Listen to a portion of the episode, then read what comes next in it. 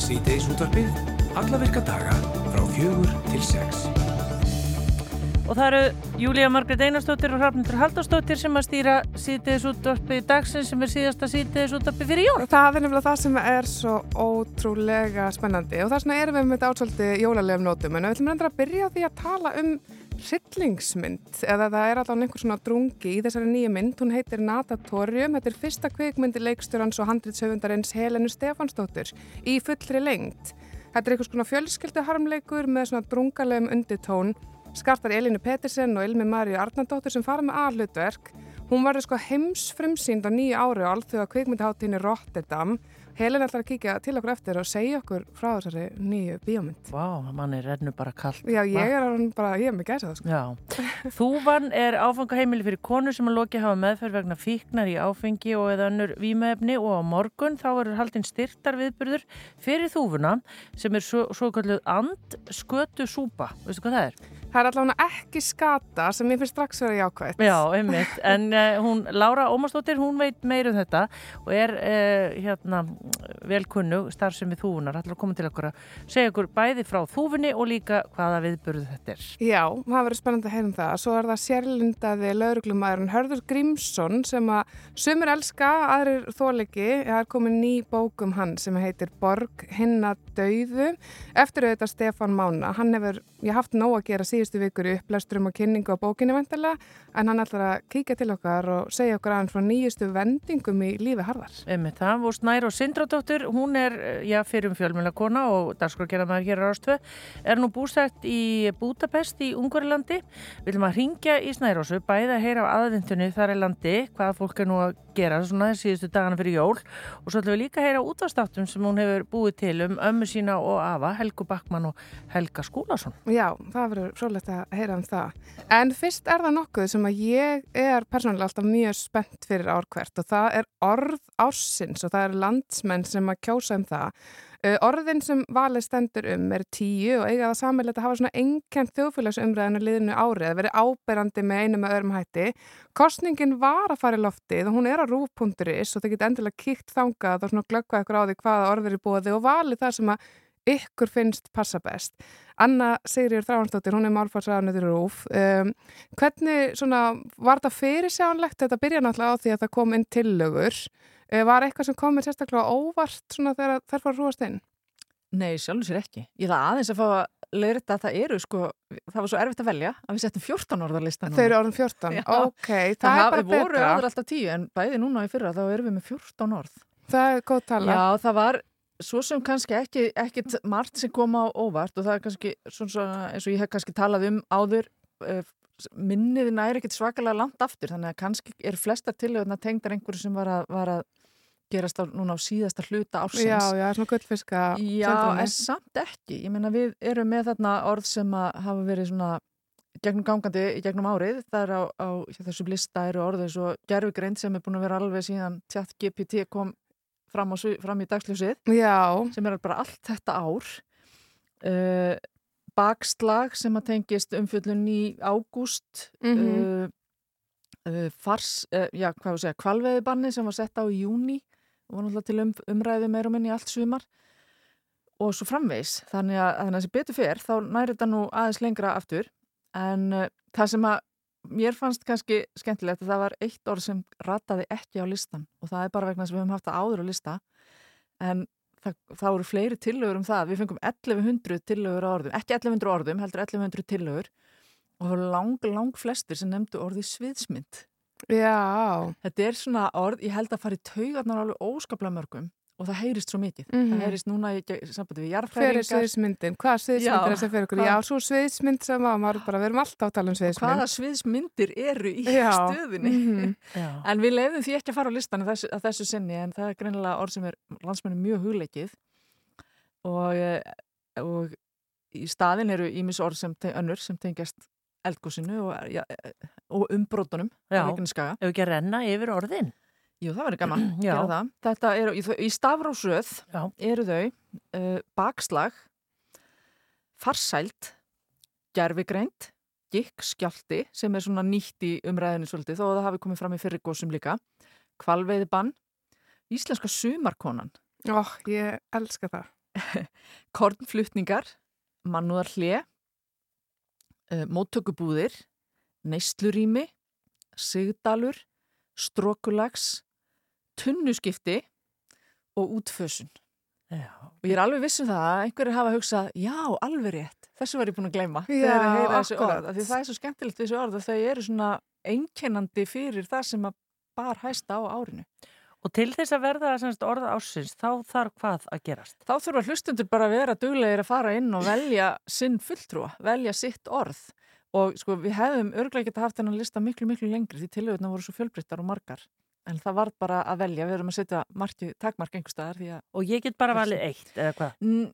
Í raun ekki, þú getur bara valið úr tölvinu þínu og úr símanum þínum og, og þess að það, er ekkert engi svo sem kannski takmark fyrir því ef ef að það verður einhver svona einhver svona hérna eh, verður farið í einhver svona herrferð með einhver orði, þá getur við óskup lítið gert í því en yfirleitt held ég að fólk velji nú bara einu sinni sitt orð. Já, en er þetta þannig að þessi orð eru, þau hafa verið til lengi, en svo bara af því að þau komast í umræðina þá, eða hvernig er það? Já, Það er nú nýjir þarna. Þa, já, það eru sko alltaf nýjirði inn á milli Já. og ég var, við vorum, ég var að fara í gegnum eh, innsendingarnar, það voru alveg bara eila eitt flokkur af alls konar nýjum orðum sem eru bæði slangur og nýjirði og við höfum ekki séð mikið.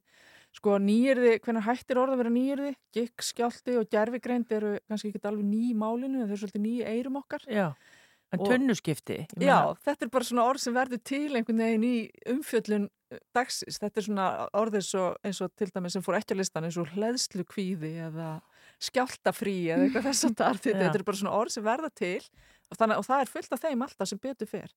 En það eru til dæmis svona orð eins og, eins og til dæmis sem er á listanum uh, mannúðar hlið. Þetta er orð sem við hefum ekki heyrt oft fyrir en núna eftir, eftir að hérna, átökin byrjuð á Gaza. Já, En ég var aðeins að leita og þetta sást örlítið. Þetta var aðeins notað í tengslum Sýrlandstríðið fyrir 5-10 árum. Einmitt. Þannig að þetta er ekki alveg nýtt orð en samt sem aður þá er þetta svona nýtt í eirum okkar. já, Og það sem að gerist líka til dæmis í þessum jarðhræringum að þá lærum við og þá er fullt af svona íðorðum sem sagt, fagorðum í jarðvísindum sem verða allt í hennu eign okkar allra og Já. við vitum allt í hennu öll hvað gikkskjalti er Já, eða sigdalur eða kviku innskott þetta var ekki óróa púls, kom svolítið ofalega orð fyrra. Já, Já. einmitt. Það var eitthvað orð sem ég, maður hefði ekki þetta áður, en er svolítið skemmtilegt. Já, mjög skemmtilegt orð og En var sko, hægt já. að yfirfæra á ímislegt en er samt sem aður svona fagorð í Einmitt, eitthvað sem að margir hafa fundið á einn skinni, Já. En hérna, já, sko, ég verða að minnast á sumarkonuna sem ég fyrst nefnilega með hana, hún kemur hérna, bara með sprengingu hérna frá henni Berglindi Festival og þú veist, það voru svo margir, ég var persónulega svo meðviti að ég hafði, sko, mánuði fyrir eitthvað hafði ég keft mér hatt og ég ætlaði mér að verða svona típa sem væri með hatt, en ég bara læði honum, ég bara treysti mér ekki til að fara út og vera dæmt fyrir að vera eina af þessum að sumarkonum. Nei, eftir að umfjöllin hennar fór í lofti. Já, eftir Já. umfjöllunin um sig að þessi íslenska sumakona er svona típa sem er í ponnsjó og með hatt. Já, en er endilega sko slæmt að vera Það er íslenska á Ég er ekkert taka- endilega viss um nei, það. Nei, nei, akkurat, við þurfum bara maður að jafna sig þess og Já, fara í kannski næst, henni sterkinn næsta sumar. Já, Já, við hvetjum auðvitað hlustendur að taka þátt í þessu. Þetta er bara gert til gamans og Já, þetta já. er bara skemmtilegt og það er 3. janúar, sagður það? Já, það frestur til 3. janúar að kjósa og ég held að það sé bara dálítið sniðut að, að hérna fara bara á Google og leita. Það getur verið svolítið snúið að finna þetta á vefrúf en á að vera hægt að fara svona svolítið langt niður síðuna og finna þetta þar. Já, og ég fann þetta nú bara hérna samt mjög framalega á síðan. Nú já, já, þetta, Já. Að þetta er nýkomið inn. Þetta Já. er bara klukkutími síðan þetta kom inn. Já. Mhm.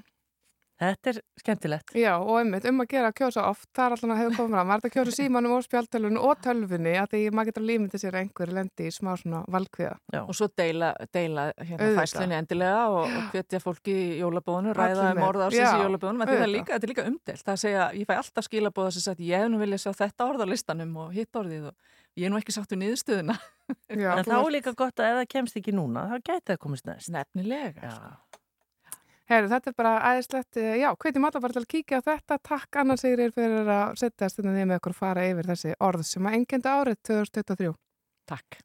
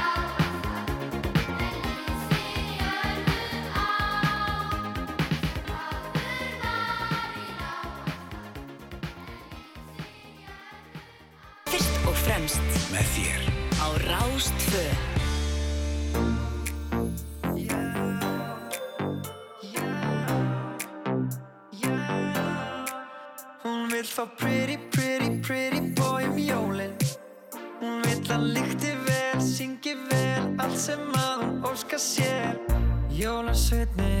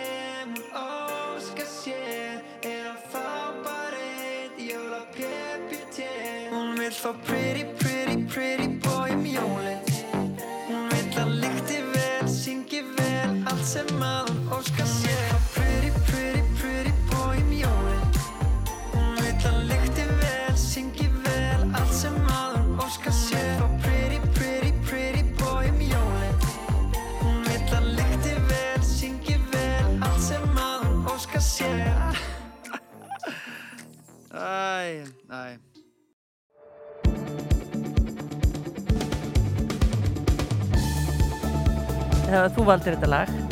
Já, ég hana, get alveg sagt það strax að já, ég var alveg til í fyrir bóðum jólinn. Já. Eh, tíminn er naumur, það er bara tveir dagar í þetta. En um, við ætlum að tala um bíó og, og það er alveg svona svolítið jólalegt, það er margir sem að horfa myndir yfir hátíðinar. En strax eftir jól þá verður glæni íslensk bíómynd, Natatorium, um, frumsýnd, reyndar út í Rotterdam, en svo fáum við að sjá hana hérna á Íslandi fljóðlega í kjölfarið. Þetta er fyrsta kveikmynd leiksturans og handriðshöfundarins Helin Stefansdóttur í fullri lengt um, sko Helena situr hérna hjá okkur um, mér skilst þetta er sko einhvers konar fjölskyldu harmleikur Mhm. það er einhver drungi Já. getur þú sagt okkur bara frá myndinni?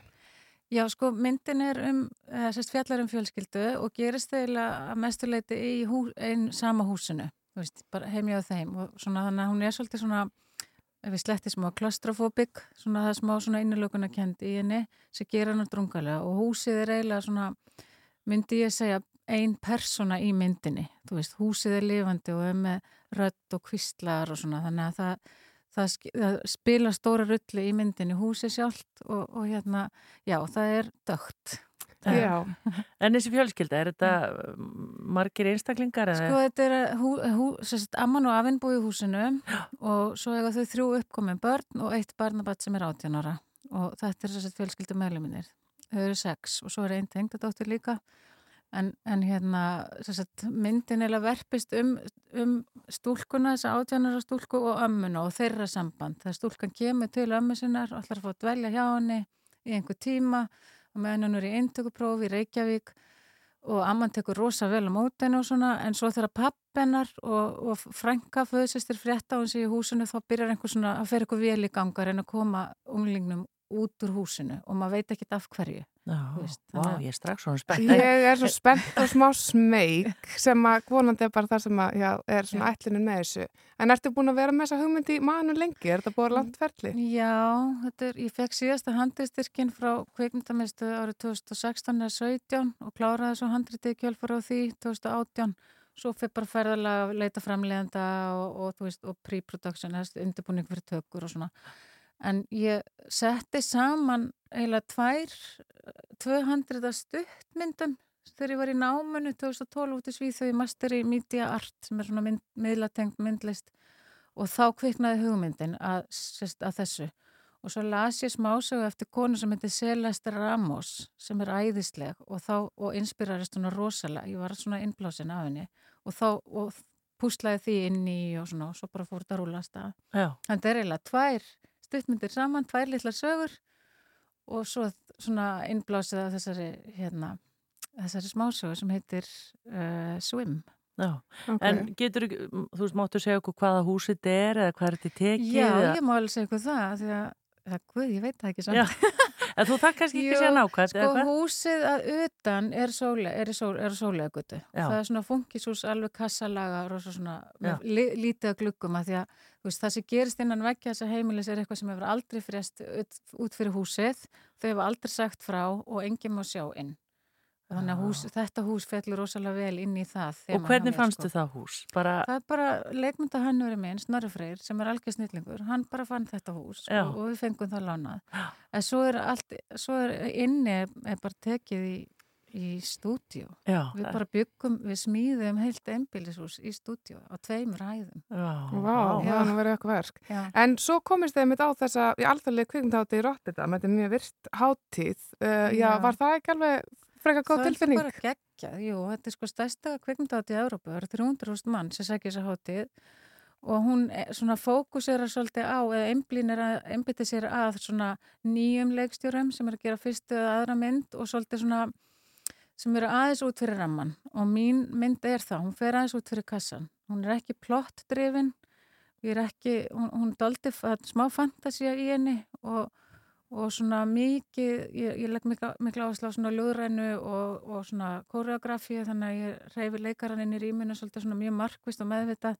Og svo er náttúrulega rosalega svona gleðjandi fyrir auðað alveg aukna konfekt það er mikið að þú hugsa svolítið um rammanna og svona þegar þannig myndlisni þessu En ætlaði er að sína hana fyrst á Íslandi eða var þetta bara, þú veist, þegar maður fær svona bóð mm -hmm. hvernig er það? Nei, það var alltaf planið að reyna heimsfrimsinana á háttíð Já. og ég með rosa fínan framleganda sunnu Guðnardóttur sem er búin að vera vinnahörðum höndum að ég, að, hérna, og með aðstöð kveikmyndamiðstöðar og að ég að reyna að koma inn á háttíður og svo hérna erum við með dreifingarfélag líka, Level K, dreifingarfyrirtæki. Það er bara, þetta er bara eiginlega þeim að þakka, hún fór inn þessu háti, sko, það er náttúrulega sækjum og svona. Já. Þetta er náttúrulega alltaf rosa stór stund, ég held að það sé alveg sama þó maður sé komið 20. myndina sína að mæta á heimsfrumsýninguna, en þú veist að gera þetta með því að fyrsta skipti svona með þína myndi fullir lengt, eh, þú veist, ertu, ertu ekki spennt, ertu ákveðið ætlar að vera og... Ég er svo spennt og ég er búin að fara svo margar ringi með í hverju ætla að vera. Það er alveg mikilvægast. Já, það er alveg svolítið mikilvægt. Þú veist, ég, ég sé, þú veist, þegar ég kem hana fram á fremsningunni og þegar að vera með eitthvað svona presence, basically, ég menna ég þarf að hva, hvað típa er ég mm -hmm. Þú voru komast að því núna Ég voru komast að því núna og ég er bara auðvist eftir einhverjum hönnu að nú típa ég sem langar að dressa Já, það verður alltaf að gera það Það verður gaman Já, en hérna, og hvenar er þetta á nýja ári? 28. hérna janúar Já. er Rotterdam og svo verður myndi frumsýnt hérna heima 23. februar í sam Bjón Já, nei, Smárabjó Smárabjó, og vonandi Bíóparadís líka Má ég bara spyrja lokum, sem fyrir fólk eins og mig sem að hérna, sefur ennþá með næturljós og er svolítið hrættið myrkvið, mm. eh, myndur þú ráðleika mér að reyna að sneiða hjá því að sjá þessa mynd? Er hún það ógunarleg? Nei, alls Nei. ekki. Þetta er ekki draugamynd. Þetta er ekki. Þetta er ekki splatter eða svona blóð, hérna, ekki þannig neitt, sko. Mm. Hún er eiginlega bara svona pínu, svona sálrænt, sko hún snertir þig gegnum auga og kannski inn í hjarta og smá í magan. Skilur já. Þannig að kannski verður smá, veist, Nei, hún er ekkert svona ræðileg. Júlega, ég skal fara með þér í bíó. Já, hérna happi, við skellum okkur saman. En, en hvað þýðir natatorium? Natatorium þýðir sundhöll. Það er ekki allir orðið auditorium, það er svona tónhöll eða það sem er haldinir fyrirlastur eða tónlingar, þetta er natatorium. Natasjón er sund á fransku og, og það er sérsett sundlög í húsinu sem að títillin drefur nafnsitt af. Oh, mm. Hærum, mér líst vel á þetta bara... Þú auglísir eftir hönniði til að finna já, hérna þannig að það er kjólheilina þá bara viðkomandi hafa samband Já, gerur það til að dressa aðal skvísuna Uh, já, og bara þetta er bara ótrúlega spennandi til hamingi með að komast inn að þessa háttíð og til hamingi með þína fyrstu kveikmyndi fullir lengt, Helena Stefansdóttir. Takk fyrir að kíka til okkar. Já, takk innilega fyrir mig. Ljósinn kvikna út um allt, sko Gaman væri að fá smá snjó, sko. Langar engan veginn heim, sko. Má ég vera hér hjá þér? Jólaháttíð út um allt, sko. Það er óbúðslega kallt, sko. Langar engan veginn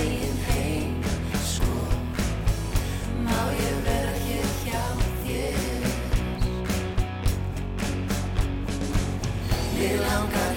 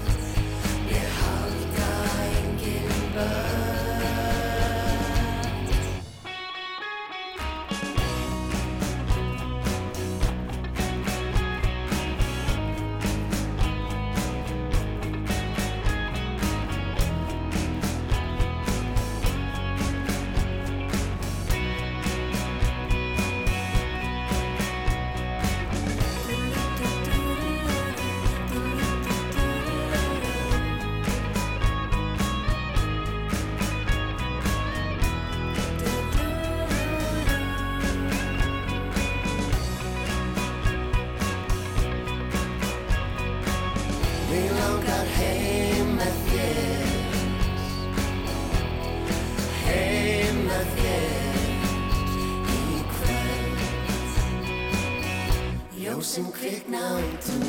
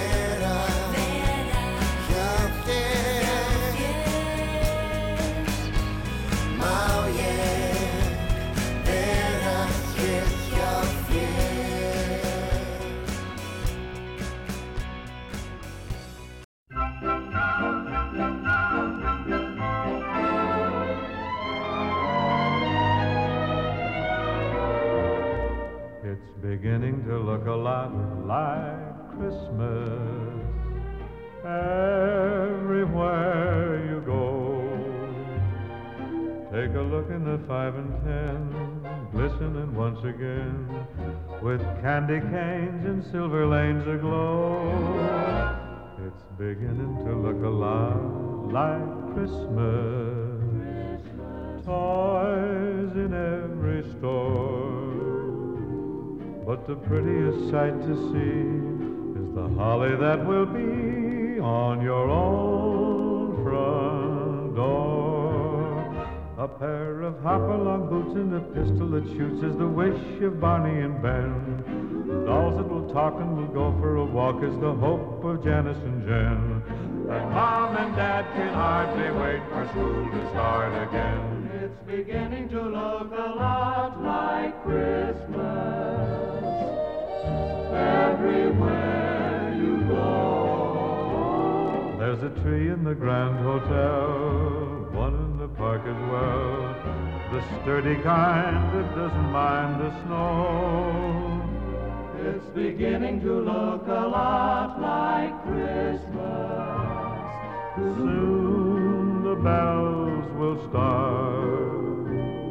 And the thing that'll make 'em ring is the carol that you sing right within your heart.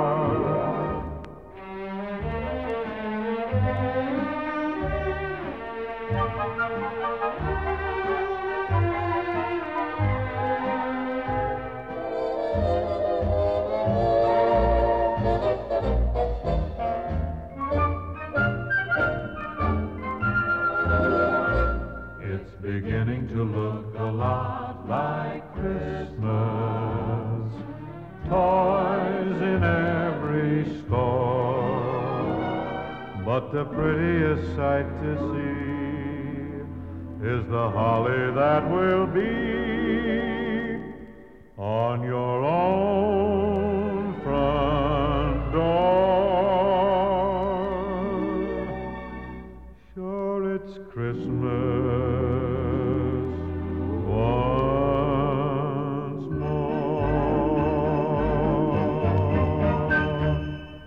Sko, það, valla, það gerist ekki jólalega heldur en okkur þetta. það er nákvæmlega þarna sko. Já, Bing Crosby og, og hérna It's beginning to look a lot like Christmas. Já, ef einhver var ekki komin í jólaskap þá held ég að við sem alveg búin að gull tryggja það. Einmitt.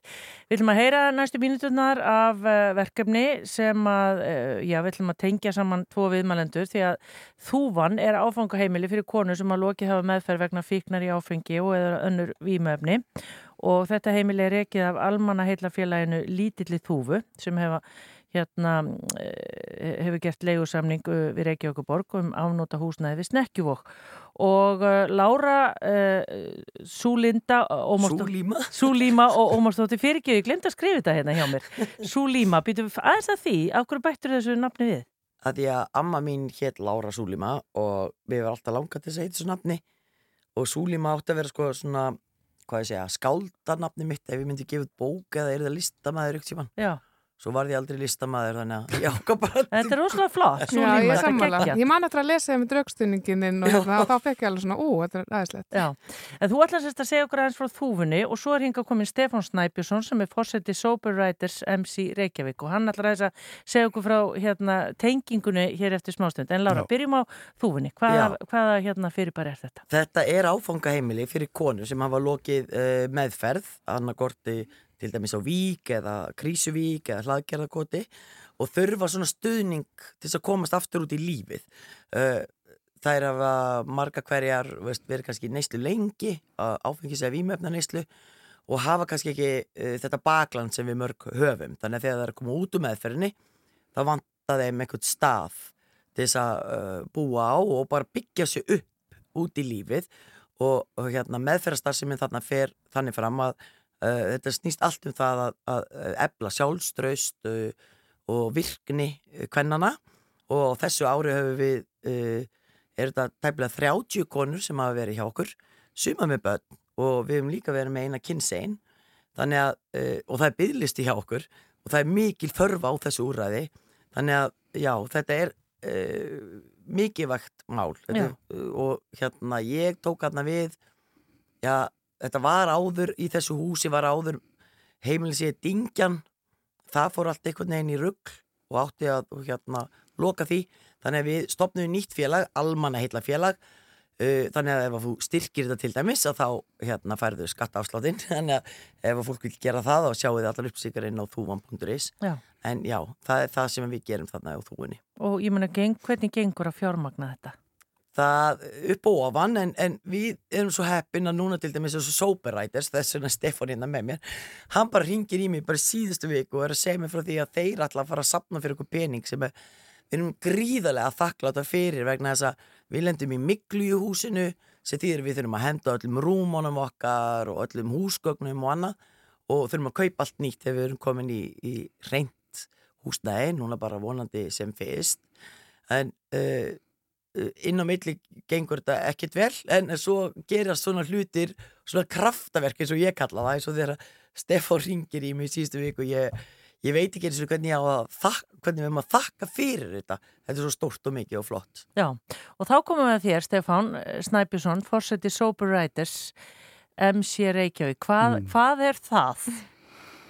Já, sko, Sober Riders MC, þetta er e, sagt, klúpur sem hefur stopnaður í bandarækjónum e, formlega 1994, 10. desember og til Íslands 2005 og er þá Reykjavík deild og eiginlega upp frá því já, sagt í grunninn þá er þetta náttúrulega svo nafni gefið til kynna, þá erum við sagt edru við erum allir svona tólspora kallar búin að snúa við blæðinu og við byrjum bara fljóðlega frá því að þetta er stopnað strax á svo kallari andskutu súpu. Og sko þetta við farið fyrir brjóstöðumurkum sko, við bjóðum upp, ekki upp á neitt viðbjóð við bjóðum og það er það að vera að, að, að vitna í lyktina. En, en þetta er bara við bjóðum það á þólagsmössu á lögavegi, þeir eru fyrir framann lögaveg 75 þar sem að gamli blúsbari var e, upp á þessa anskutu súpu og gefum hana gegn frá, frjálsu framlægi við erum með posa og, og bauka og lifandi tónlist og stemningu og fjör og fýblarleiti og, og og svo er talið upp úr kössunum millir jól og nýjás og og aðfendum þetta félugum ykkur skonar og fyrir valinu í ár var þúvan við fréttum af þessum hremmingum.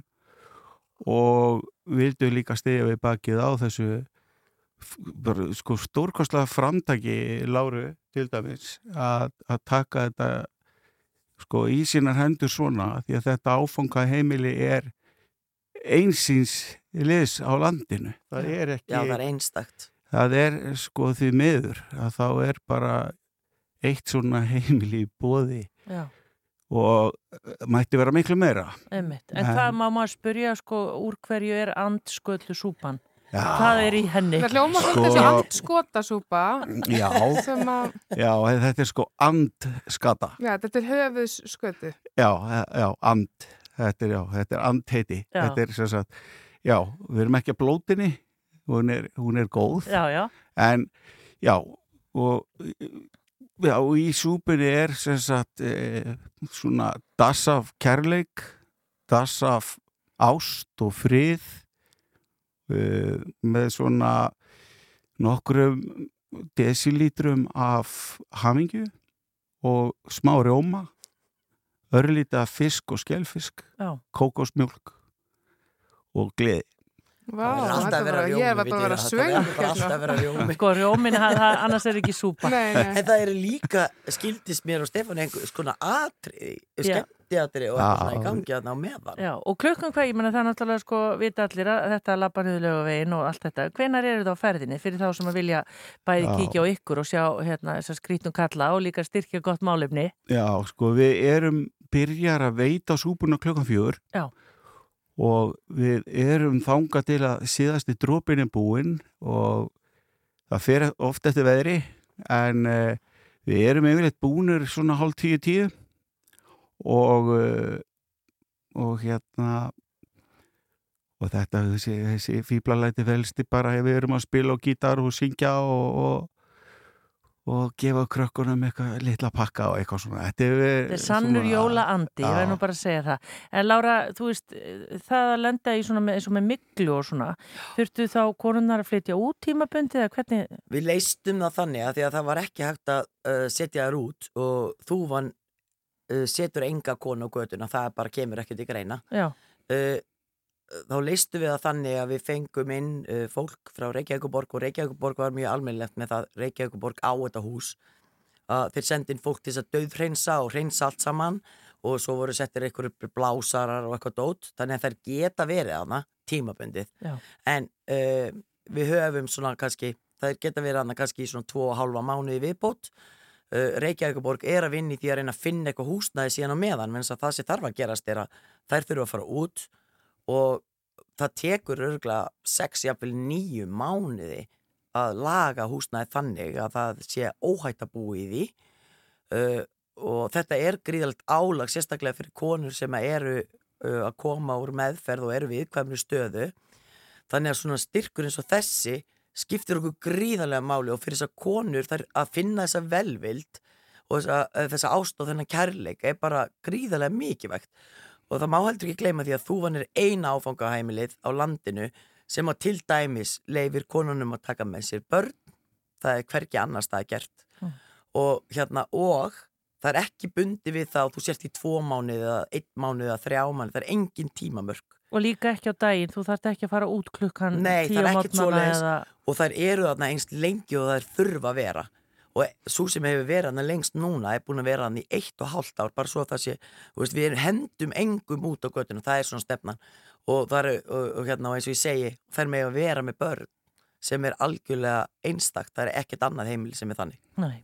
Og þannig að fyrir þá sem að kannski komast ekki í bæinn til að smakka súpuna, þá er náttúrulega bara hægt að fara inn á heimasíðinu hjá þúfunni til dæmis að Já. bara styrkja gott málefni. Já, Og algjörlega hérna, en þetta er auðvitað frábært og þetta er sannur, hérna, jóla andi, Stefan. Er, er manni lína svona í, í hjartanu?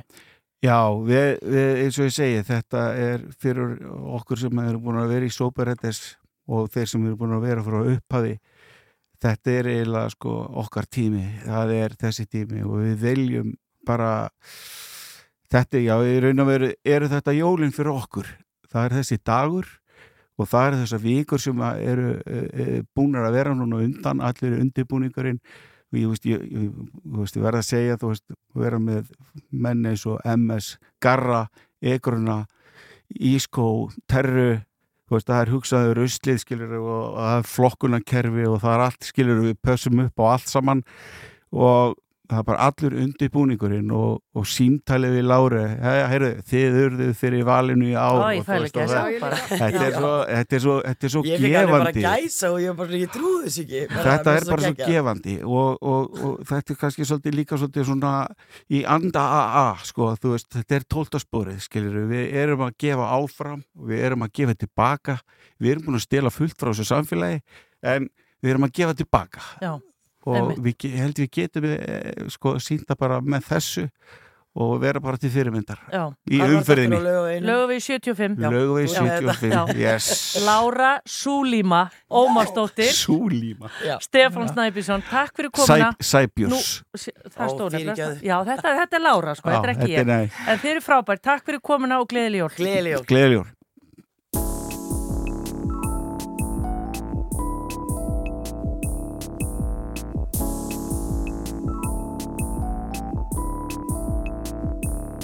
Eitthvað ljúft, eitthvað mild, eitthvað óáþreifanlegt, engu öðru skilt. Eitthvað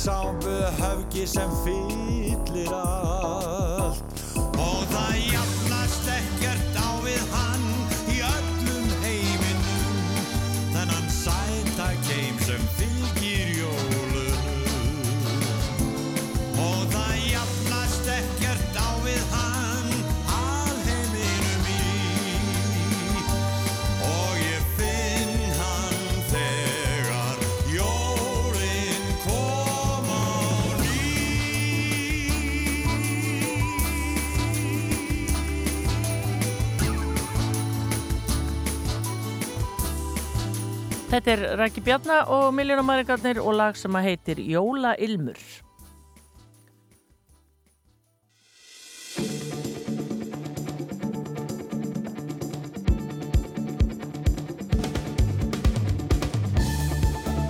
Já, síðdeis útvarpið verður hérna áfram með guður við förum svona síga setni helmingin, fréttir eru handan á hotni en við hefum líka eftir að ræða við Budapest. Já, við ætlum að ringja í konu sem að þar býr og heitir Snæru Sindradóttir og hún ætla að segja okkur að þess að hvað skildi nú vera svona jólalegast þar? Sko, ég get alveg ímyndað mér hafandi komið þangað, þá get ég ímyndað mér að Budapest í jólabúningi sé alveg einstaklega falleg sjónum minnstakosti. Já. Og verður gaman veginn að fá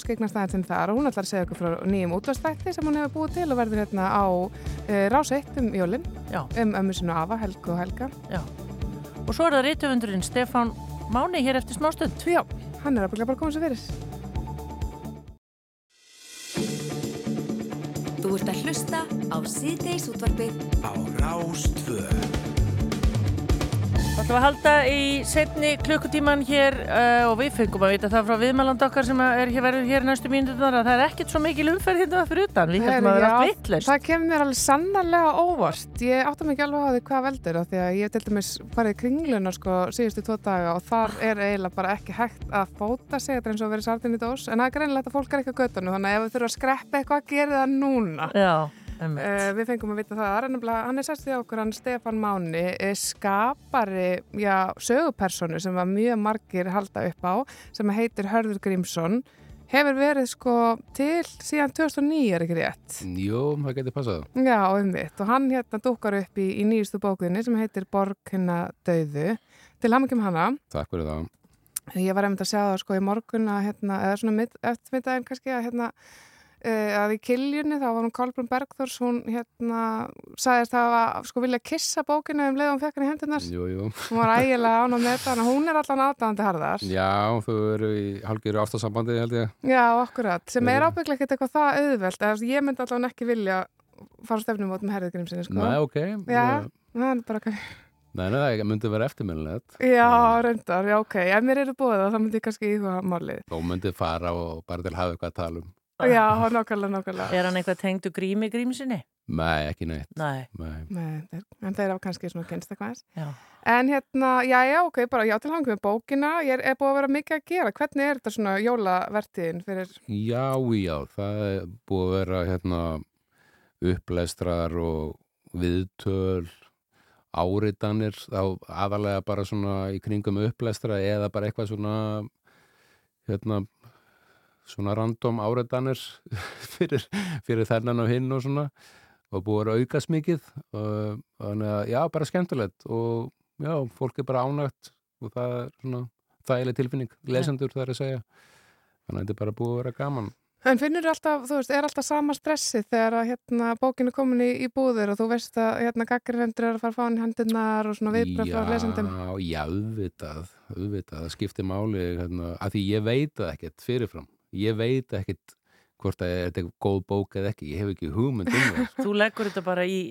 Þetta er bara eins og maður sendir barnið sitt í skóla maður veit ekkert hvort að það er gáað eða ekki sko. Þú veist, maður sér ekkert sóluna fyrir eigin sköpun sko. en, en, en, en að góð viðbröð eru opbóðslu léttir það er, það, er, það er bara svo einfalt sko. Þannig, að- og eins neikvæð viðbröð geta alveg hérna, eðalagt fyrir mann ekki bara daginn heldur vikuna sko. Mér finnst ótrúlega gott og hressandi að þú viðkennum það. Já, algjörlega, Já. ég væri bara að. Já.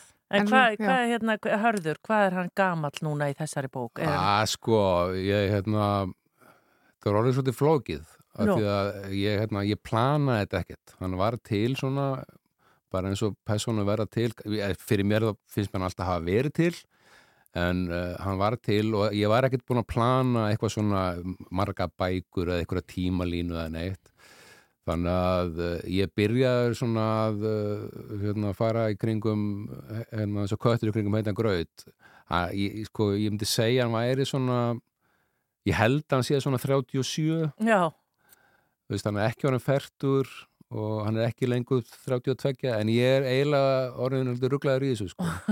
Þannig ég, ég held honum í ykkur í búblu það sem hann er Mm. svona eldist ekkert mjög hratt nei. Það er ekki svolítið verið svo Simpsons fjölskyldan, það er alls saman kom margar serjur, Homer er alltaf af gammal Já, já og börnin var sér ekki græsa. Ég vil ekkert vera með eitthvað 15 hörð eða 16 hörð, ég held ekki Nei, færa hann kannski ekki vel. Nei, einhvern veginn, ég vil hafa hann svona, svona hann er mátulega fúll en Mhm. hann má ekki alveg vera 70 fúll Nei, ekki alveg svona senil kannski Nei, líka. Nei, mitt. En segðu okkur aðeins svona Já, sögursvið. svona hvað er að gerast? Já, í bókinni. í borgina döðu þetta er mjög sko fyndið að því að ég hérna hörður, eh, hann er, hann er stærri en ég hann er vinsæll en ég, hann er þekktar en ég ég er bara búin að búið til skrýmsli sko og fólk vill ekkert nema hörð sinn. Uh, og svo hérna eina sem ég þarf er að fá ykkur að hugmynd og hörður er bara inn í hausnum að mér. Svo bara hendi honum eh, hérna í pottin og hann bara sér um rest. Ég bara hérna skrifa niður bullið sem hann er að segja og gera sko. en uh, kveikin að þessi bók er alveg fáranlega einföld. Að ég var bara að fara út að labba með hundi minn eins og gera á kvöldin eða hundin okkar öllu heldur. Og, og, nágrannin minn er að bisa við að, að hérna, móka upp dreni hjá sér. Er svona á kvöldin eftir vinnu er hann úti með skóplu er að móka upp dreni, að skipta um dreni. Og ég sé þetta bara nokkra dagi röð og svo ég fer ég bara að hugsa hvað hva geta hann fundið þarna? Og svo bara, hérna, ef, ef það bara fyrsta hugmyndir af bókina, einhver er að hérna, móka upp dreni heima og finnur eitthvað grunnsamlegt Já. Og, og, og þá mætir hörður og, og, svo, hérna, svo bara byrja boltin að rúlla. Svo byrja ég bara hérna, spinna eitthvað í kringum þetta veist. ef það finnast bein þarna, hver er það og hérna, hvernig endaði viðkomandi þar? En bókin uh, fjallar uh, hún fer svolítið, hún er svolítið stór eða sko fjallar um uh, ítlmenni að sjálfsögðu. Hún fjallar um konur sem að hverfa en engi tekur eftir því sko. það er nefnilega til svona til ákveðin tegunda fólki sem getur horfið á þess að nokkur taki eftir því eða gera eitthvað í því sko. Og hérna þannig er svolítið að fjallum bara mansal og skipulega glæpastarfsemi og svona Svo jólalegt bara. Já, rosa jólalegt sko. Hérna, fólk elskar þetta, ég get ekkert hvarta. Það er sama hvaða, í hvaða myrkra veröld ég fer að hérna róta. Fólk er alltaf. Já, en nágrannin veit hann að hann er Sko, hann, er, hann er flutur í burtu en hérna, ég, ég verða eiginlega, sko, ef hann er hlusta, sko, hann verður að lesa bók, sko, því að hann mun, hérna, hann mun hlæja upp átt af stöðum sem aðrir mun ekki hlæja upp átt.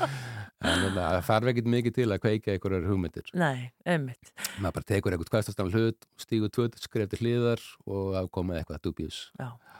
en svo er bara alltaf gaman að skrifa um hörðu mér skemmtilegast sko uh, ég þarf náttúrulega að vera með einhverja glæbarafsókn og ílmenni og einhverja spennu og, en eh, skemmtilegast finnst mér bara hörður eitthvað út að rúnta með stráki sinn eða tuða yfir einhverju eða fá sér að borða eitthvað bara að mér mér finnst æðislegt að vera með, hann, með mér og hérna einhvern veginn horfa á lífið í gegnum hans augu sko.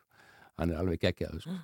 Já. Já, þú ert allan að auðvitað ekki einn um það. Hefur ekki reynda svona hristan af þér? Hérna, eða bara, er er samlífið ykkar en það bara gott Já, og... nei, ég, ég mér er ekki tekist það, ég er svo sem ekki reynda en uh, Ég ætla ekki að kveita það til þess. Það er mjög margir mjög reyðir við mig ef ég myndi... til þess sko, en sko þetta er, mér finnst það ennþá svo, svo gaman sko og, og svo bara, sko, ég kannski held að þetta sé búið og svo fæ ég eitthvað svona hugmynd og hörðu kemur inn í hausina mér þá langar mér bara rosalega mikið að eða næstu mánuði með honum en þú hefur gefið hann frí. Þegar Já, þú gerir já, það, saknar hans það.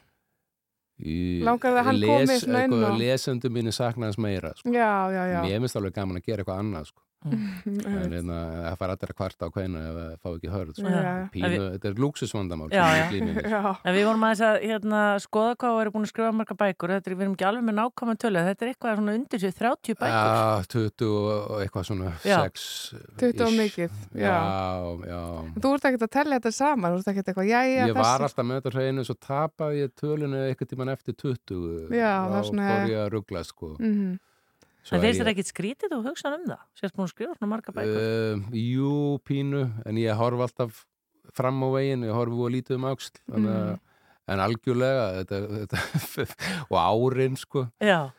Hérna- Hvenær, manstu það? Hvenær fyrsta kom? Já, sko, fyrsta bóki kemur út 96 þannig að, að það eru þrjú ári, 30 ára útgáfa amali sko, þetta er alveg þetta er bara eitthvað rugl Þetta er bara eitthvað Ég er bara Bob Dylan eða eitthvað ég, Já, já, það verður að setja það. En hérna, svo kemur hérna til okkar í jólapeysu mm megum við þá Já, draga ég var þá ekki alveg ályktun að þú viss. sért jóla, ertu jólabað? eh, svona lúmst eh, svona þú veist, skröggur endaði sem jólabann, ég er svolítið hann þú veist, ég bæði skröggur og þú veist, innst inni þá sigra jólin alltaf sko.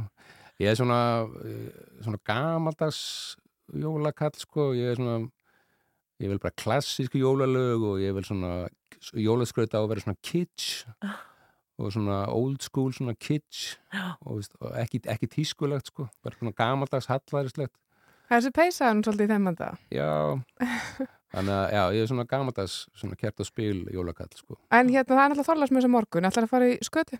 Já. Það er hefð. Hmm. Er það hefð? Já, fyrra komst ég ekki og fannst það ofsalega sárt. Já. Þannig að það er eiginlega hefð, en já, segjum það bara, já. Ferðu bara fyrir lyktina eða, eða Ég- borðar upp Þetta með er bestu list? uppáhaldsmatur minn alveg í heiminum. Ég elska kestaskötu og ég, ég borða hann oftar en að þólasmessu. Nú? Ég fæ hann á sumri líka. Það er algjör stilbrot, sko. Nei, það, Nei. það er ennþá betra sko, bara í ró og næði sko, eldursunni og mömmu sko. Og já, ég, ég dýrka þetta og ég þóli ekki samfélagsmiðla á þólasmessu þegar þegar vælu kjóðanir eru með eitthvað leiðandi. Ég þóli það ekki. Ég finn strax að ég ætta stein þegar, sko. Já, þetta er svona, þetta er svona Þetta er nú bara þetta- Ok, þú borðar þetta ekki þegjuðu þá. Mm, Þú ok. veist, bara, Já, já. Sko, skilabóð frá Já. Stefáni Mána. Þetta er ekki þessu væli. en Þetta ég- er, er, er eitt ára ári, öfugt við Mm. flugeldana og margt annað sko. Já, en hérna bara svona, já það er, þetta bara, er allt tilbúið? Búin að græja allt og gera allt og... uh, kaupa gjafinnar uh, skreita setja bjólatrið eftir að kaupa matinn og svona og það er alltaf eitthvað en, en nokkuð góður sko. Já. Það voru hugulegt að skella sér í kringluna kannski í kvöld. Ég, hérna, það er alltaf að nóg að vera þar. Já, öruglega En já, Stefán Máni, ég vona að eh, jólin verði ljúf, þráttur er skröggin í þér og líka fyrir alla sem að, já, ætla að glugga í nýjust æfindir Harðar Grímssonar í borginna döði. Takk innilega fyrir að koma Takk- til okkar og sömuleiðis. gleðilega hátíð. Gleðilega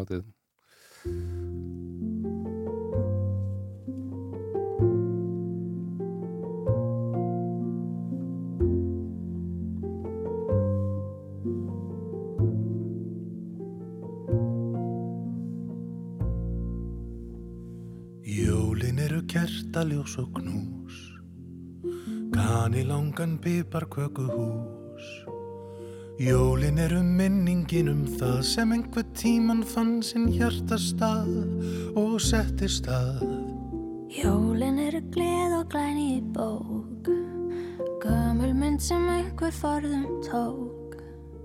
Jólin eru undutekningin Það eru patslega eftir væntingin Í sérkvært sinn Jólin eru okkar og allt sem fylgir þeim.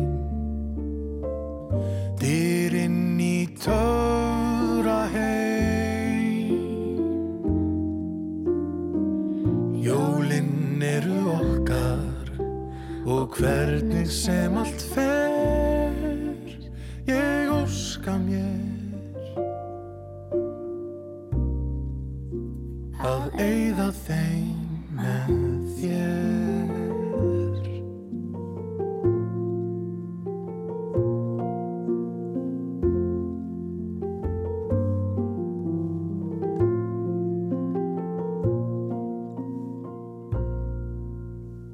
Jólin eru ljús árlindamál Lánætti og mandarínu skál Jólin eru tími fyrir blund á lengu tíma bæra nendu fund.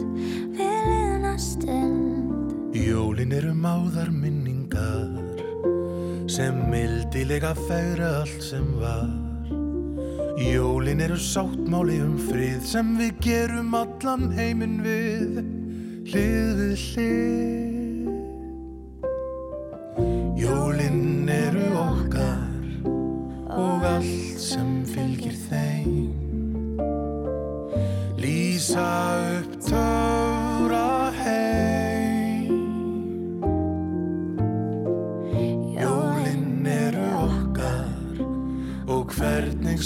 allt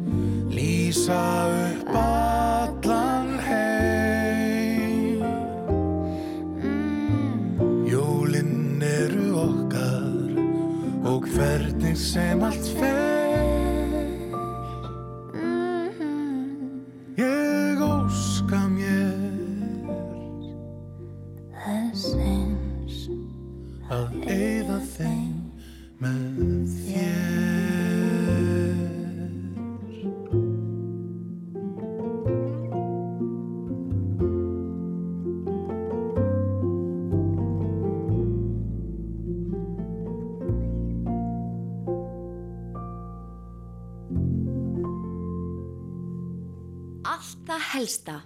Sýti í sútvarpið frá fjögur til sex á Rástvö. Sýti í sútvarpið fyrir ykkur frá fjögur til sex á Rástvö.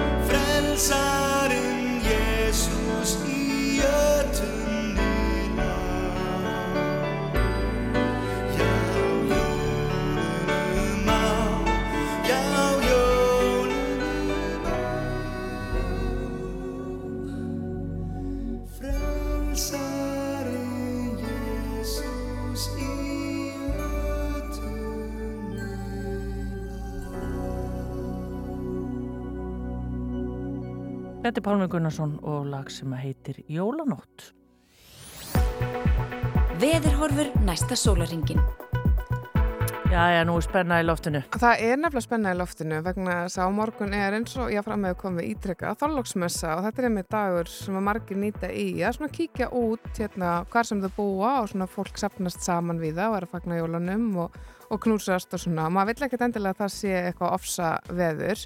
Um, sko til að byrja með ég er að skoða hérna heimasíðu veðurstofunar og til að byrja með kemur fram að það sé engin gósvirkni sjáanleg þannig að hérna sko því er lokið í byli það er bara orðið ofinbært en það er ennþá landris í svartsengi þannig að það er eitthvað að gerast og það skýrist svona næstunni en við vorum gladar að heyra það að grindvikingar megi fara heim til sín Já, þeir megi að vera heim, heima sem sagt yfir jóli. getur maður ímynda sér léttin Vá. emitt þannig að það er allavega dásanlegar fréttir en hvað við, veðri varðar um, sko það er uh, breytilega 8, 5 til 13 metrar á sekund og jélega snjókoma hægar á söður og söður vesturlandi og bjarta mestu Það er frost, sko, það er 4 til 17 stig. Það er kaldast inn til landsins. Akkurat núna í kvöld er kaldast hérna á höfuborgarsvæðinu. Það er alveg 10 gráðu frost, þannig að það er eins gott að vera með húu ef maður ætlar að kíkja út. En á Vesturlandi er ansi kvast. Það er alveg 15 metrar á sekundi, þannig að um, það er kannski ekkert eitthvað hyggilegt að vera allt og mikið á ferðinni þar um slóðir ef að, já, marka má heimarsýðu um, veðurstofunar.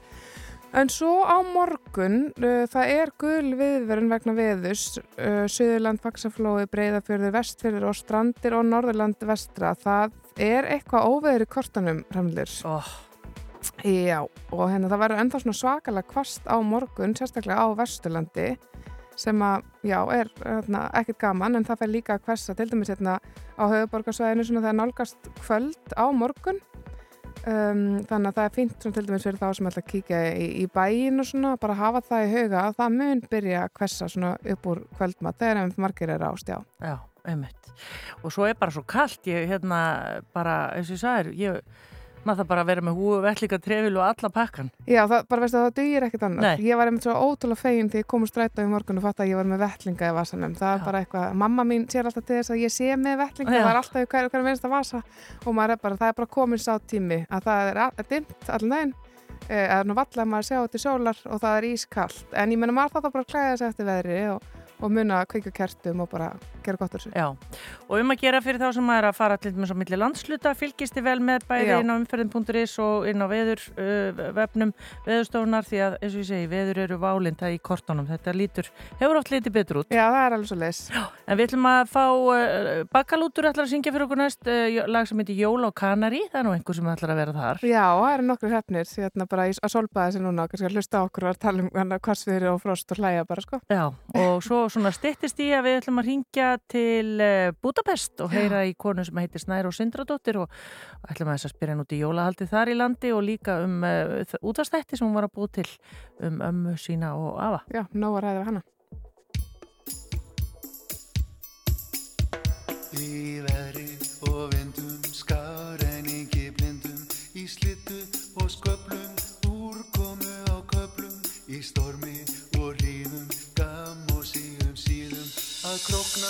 undan að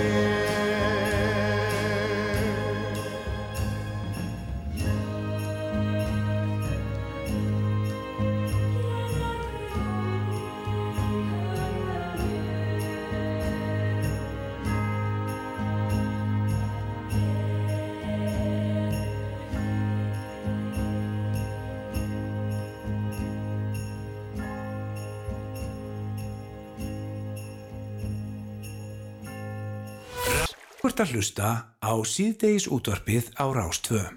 Já, það er einmitt það og við hefum verið svona dund okkur við að undarfarið að ringja í fólk bara viðsvegar annarkvort um, um landið eða jafnvel til útlanda. Já. Við splæsum í útlanda símtöl og nú erum við komin í sambandi við konu sem að er búsett í Budapest og hún heitir Snærós Sindradóttir. Kondur sæl og blessuð. Komið sælar blessar. Hvað segið þið gott? Við segjum allt gott í kuldanu hérna, þannig væntalega ekki svona kallt hjá þér. Eða hvað? Já, það er lúmst kallt hérna í austur Európu, það verður að segja alveg svo er, sem ekki rak í loftinu þetta, við fengum alveg dásamlegan jólasnjó fyrir í þessa mánuði, en núna er bara svona regning og grátt yfir, eins og við þekkjum svo vel Reykjavík. Já, það er svo kunnulegt hérna, veðfar allavega í dag. En hvernig svona er borgin? Af því að ég hef komið til Budapest og þetta er alveg rosalega, rosalega falleg borg. Hvernig er hún í svona jólabúningnum? Er fólk mikið að jólast? Já, já, bara heiklust. Hér eru jólamarkaðar á hverju hotni, uh, jólamarkaðurinn sem er hérna við svona Santi Stefáns basilíkuna, hún- hann, hann var kosin jólamarkaður Evrópu, Þú veist, ég veit ekki hversu áraðarleg svo kostning er, við fór, skröpum til Vínaborgar fyrir mánuðinum og þar var mjög fallegur jólamarkaður líka, en borgin eh, bara virkilega falleg og, og hér er búið að vera gaman að fara í jólasporvagn og jóla hitt og þetta, við erum eiginlega bara búin að jóla pínlítið yfir okkur. Já, en hvað er þeir, ég manna, er þetta þetta glöðvænið og, eða hvað, Já, jólaglöggin já, já, svona? já, já. við erum búin að fá okkur uh, jólaglögg Já. uh, oftar en einu sinni, oftar en tvisar, oftar en þrisvar og uh, svo bara, emitt, þetta eru bara jólamarkaðir og, og þeir eru, mér finnst fallegt handverk á þeim. Ég hérna, fór líka til uh, borgar hér í Ungverlandi sem heitir Page og þar kefti ég eitt og annað í jólagjafnar þannig að þeir eru einhvern veginn, já, þeir eru, þeir eru veglegir, Já, myndi ég og mæli með fyrir fólk að komingað sko í- á aðvendunni af því að það er, það er mun ódýrara heldur en víðast hver annar staðar. Ég var í Vilnius í fyrra, miklu dýrara heldur en hér og svo framvegis þannig að, bara fyrir næstu aðvendu að hafa Budapest í huga. Já. Já, mér langar eiginlega bara að hoppa í næstu vél, sko. Þetta, hérna, maður gæti svo sem alveg verið yfir áramótin líka, einhvern veginn lífendum verið Já. það sé nú ekkert leðilegt. Nei, við erum búin að, hérna, við erum að læra nýjar hefðir hérna í Budapest þannig að, að við erum búin að bóka okkur í fjölskyldu reið á áramótunum með, með dætrum Já, okkar tveimur. óvænt. og svo skilst mér að þeir skjótu upp flugöldum og þeir séu bara til sölu sko, rakettunar séu til sölu í maturverslunum og milli jól og nýjás, þannig að ég býð bara eftir því Já, já, að fá þær, fá þær í, í, í aldi og kaupa rakett með mjölkeri minni Já, en aðeins aftur að, að sko velæinu snæðurst, það hefur oft verið talað um einmitt að sé frekar gott svona verð á hlutunum þarna, eða sagt hagstætt. Er, er það raunin? Er, er þetta mjög ódýr borg, þannig séð? Já, hún, ég myndi segja að hún kosti eitt þriði af íslensku verði. Svona heilt yfir er það, er það svona reglan að matur verði sér svona eitt þriði stundum ódýrara og eitt og annað sem er næri íslenska verðinu. Myndi svo heilt yfir séu við að, að, að þriðjunga íslensk, íslensku matakörfuna sko. Þa, það er bara þannig. En hlustendur Rása 2 þekkja nú svo sem alveg þessa röddina sem er á línunni, það er nú ekki langt sinna þú varst þetta með morgunútvarpi alla mótna. E, ja, Heldur betur. hvernig eru viðbriðin og svona hvað ert að gera þetta núti? Sko ég er í meistranámi um, og er að læra uh, stjórnum skapandi greina sem heitir uh, upp á einskona Art and Design Management. Svo gaman að segja frá því að, uh, í gær þá undritaði ég samning við háskólan, þannig að ég er að fara að kenna blaðamennsku á næstu ön eftir, eftir áramót. Já. Um, en uh, svo erum við bara að njóta lífsins, þú veist, þess utan, fyrir utan að vera að, í hinnum ýmsu verkefnum hér, maður minn Freyr Röggvaldsson, hann var blaðamaður á heimildinni áður en við fórum út og, og nú er hann í verktöku fyrir uh, einn og annan má orðið komast um, og ég er að búa til efni fyrir rúf öðru hverju og, og um, í dag kom út þáttaröð sem að verður um að rásettum jólin og svo er vona á sjómanstáttaröð 7. janúar og öðrum útvarstáttum þá uh, því tengdu. Já. Að fyrir þau sem að sakna þess að, að hlusta á þig, þá er hægt að fara, já, inn á sarpin, já, bara núna, en já. fyrir þátturinn af þátturinn Helgi og Helga, elskendur á fjölunum og heima, verður líka hljómar hérna á rás 1 á jóladag. Já, þetta er sérst tveir þættir sem að, eh, svona hugmyndin kviknaði fyrir rúma ári síðan þegar það rannur fyrir mér að, afi minn, Helgi Skúlason leikari, yrði nýraður í september árið 2023. Þá hugsaði ég, væri ekki gaman að gera þeim skil í útarpinu. Ég veit að vera að gera svona juicy þáttaræðir, um, nokkrar sem byggja með heimild, heimildavinnu, handritavinnu, þetta er svolítið svona þetta er stór pakki, þetta er stór biti að gleipa þessum árið komast. Um, þannig að mér langaði að gera það fyrir af og ömmu og halda minningu þeirra lofti. Þau þetta dóu 1996 og 2011 þannig að, að það fennir hratt yfir þeirra afreikustörf kannski síðast að sjensa einhverju liti að, að, að lifta þeirra þeirra ferli og þeirra ást þannig að hún, já, bara lifi í minningunni, sko. Já, en hvað hérna, er þetta ekki svona, það er svolítið sérstættu að gera eitthvað svona sem er svona tegnmanni? Það er rosalega skrítið. Ég er búin að vera blamaður og, fjölmjöðkonni áratug núna og þetta er allt annað. Þetta er, um, mér finnst ekkert erfitt að fjallum þungulhutina, mér finnst ekkert erfitt að fjarlæga mig í þeim skilningi að, ég var ekki að fela neitt í þessum þáttum, alls ekki, en svona pressan að geðjast einhverju óutskýrðu kosmosi var til staðar samt Mm. og allt öðru vísi heldur en í öllu öðru sem ég hef gert um, og ég upplifði mjög stert við þessa vinslu, nú hef ég gefið út þáttaröðum Joe Grímsson og nei, lauruglustjóra í Keflavík eh, bara þessu ári. Uh, 2021 þá gerði ég uh, þætti sem heita Heiðin.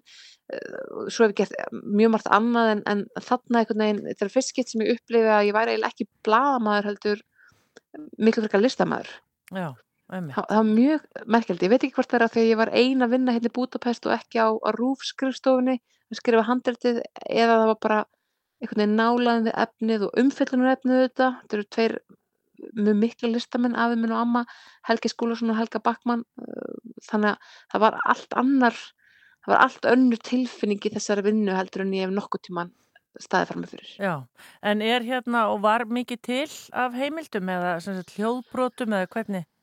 Já, minna samt en ég hefði viljað í raun og veru, en já, rúf safnið er drjúgt trátt fyrir það. Og þau voru þetta í mjög miklum, þau, þau voru mjög virk í útvarsleikúsinu fyrir utan að hafa verið fast þaðan fyrst hjá leikfélagi Reykjavíkur og svo ekki þjóðleikúsinu og svo hafa staðið í eh, sko sjálfstæðri leikritun, amma mín Helga Backmann var sko, með gríðilega nýsköpun og taug og setti upp mjög margt, það komið vel inn á það svona hver hvatin að baki því var, hún var veginn eins og hún kallaði sjálf, setti kæliborðið í þjóðleikúsinu, fastráðinn en, en fekk minna að gera heldur en svona kona með fullt starfsek hefði kosið.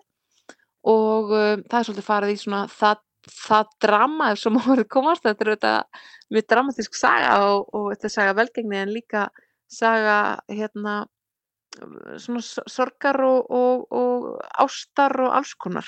Og um, það var til eitt og annað en, en eh, minna af persónulegu efni heldur en ég hefði kosið og þá þurfti maður að, að leita til annars fólks og fylla upp í eðurnar og nota minningabrót og, og nota uh, það sem að, að maður gæti lesið til þeirra viðtölu vikunni og heimsmynd og ég veit ekki hvað hvað. Ég er bara að liggja yfir tímar.is alveg bara ég er bara á hvita hnúunum að, að, hérna, að reyna að finna efni þar. Þannig að ég er mjög ána með þessa þætti. Já, það er náttúrulega, það er aldrei svona hæð heima tökin, ég meina þú þarf náttúrulega að leita langt til þess að ræða við fólk einmitt sem að þekktu persónulega, hérna þú talar alltaf við hérna móðina, móð, bróður og svo náttúrulega fleiri, sko hérna fyrir þig sjálfa, fekkstu nýja mynd svona af ömmu og af eitthvað en í gegnum þetta ferli?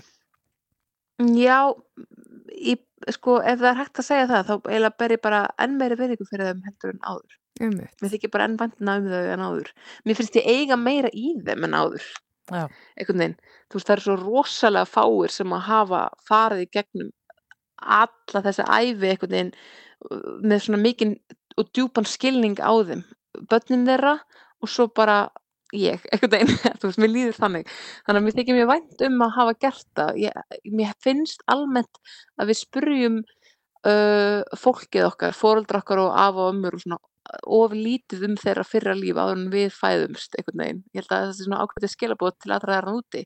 Það er svo margt sem að gerist áður en maður kemur til kastana og það er svo gaman að sökva í það. Sko. Já, frábært og þetta er, sem sagt ver, þetta er á jóladag og annan í jólum og svo náttúrulega fyrir þá sem að vilja þá bara er þetta inn á spilaranum okkar. Já.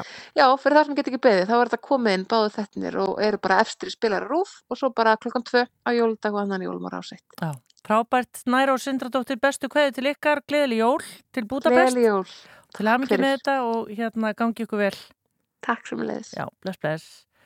Júlía, við erum bara komnar uh, á enda stöðuna. Mér finnst ég vera ný sest þetta niður. Ég veit það. Við ætlum að enda þetta á lægi sem að hérna, þau fluttu í þætti Gísla Martins á förstudaginn, hérna Tína Dikko og Helgir Hafn. Já, það er Johnny Mitchell hérna ábreiðan dásamlega. Já, og, en við ætlum líka að segja að það nefnilega er þáttur í kvöld, Gísli Martin. Já. Og uh, það er í laufi Lín, er það ekki, sem er gestu þáttarins meðal annars? Jú, og hérna hún er náttúrulega búin að slá algjörlega í gegn bara á alþjóðavísu og hérna, maður getur alveg bara, það eru mjög margir og svo spenntir að sjá hvað hún gerir. Hún er alltaf að flytja einhverja tónlist sem að fólk náttúrulega elskar að hlýða á, hún er að verða hvað, en, en þú veist, einna allra vinsalist í heiminum á Spotify og bara ótrúlegt hvað þessi stúlka hefur afreika árinu. Já, einmitt. Og þetta er í þætti Gísla Martins og svo eru fínir gestir. Verður ekki Jón Jónsson og, og hvað? Það er, en það er náttúrulega bræðirnir eh, Freirik Dór og Jón Jónsson, þeir eru náttúrulega bæði bræður og Ice Guys Já, sem já. til er að þeim hérna mæta flokki, svo er það Sverrir Þór Sverrirsson eða Svepp Steppi, Gunnar Karl Gíslason, Sveindis Jane, knatsbyrnu hérna góðsögnin okkar unga og Birta Líf Kristinsdóttir að velja margir heyra hvað hún hefur að segja um næstu dag. Já, en Júlía Margrét og Hrafnildur við ætlum að kveðja ykkur og eins og áður sagði ætlum að kveðja með þessu fína lægi með þeim hjónum uh, sem heitir River, River heitir það og við ætlum bara að segja gleðileg jól. Já, við bara heyrumst oftur þegar jólun er runn upp.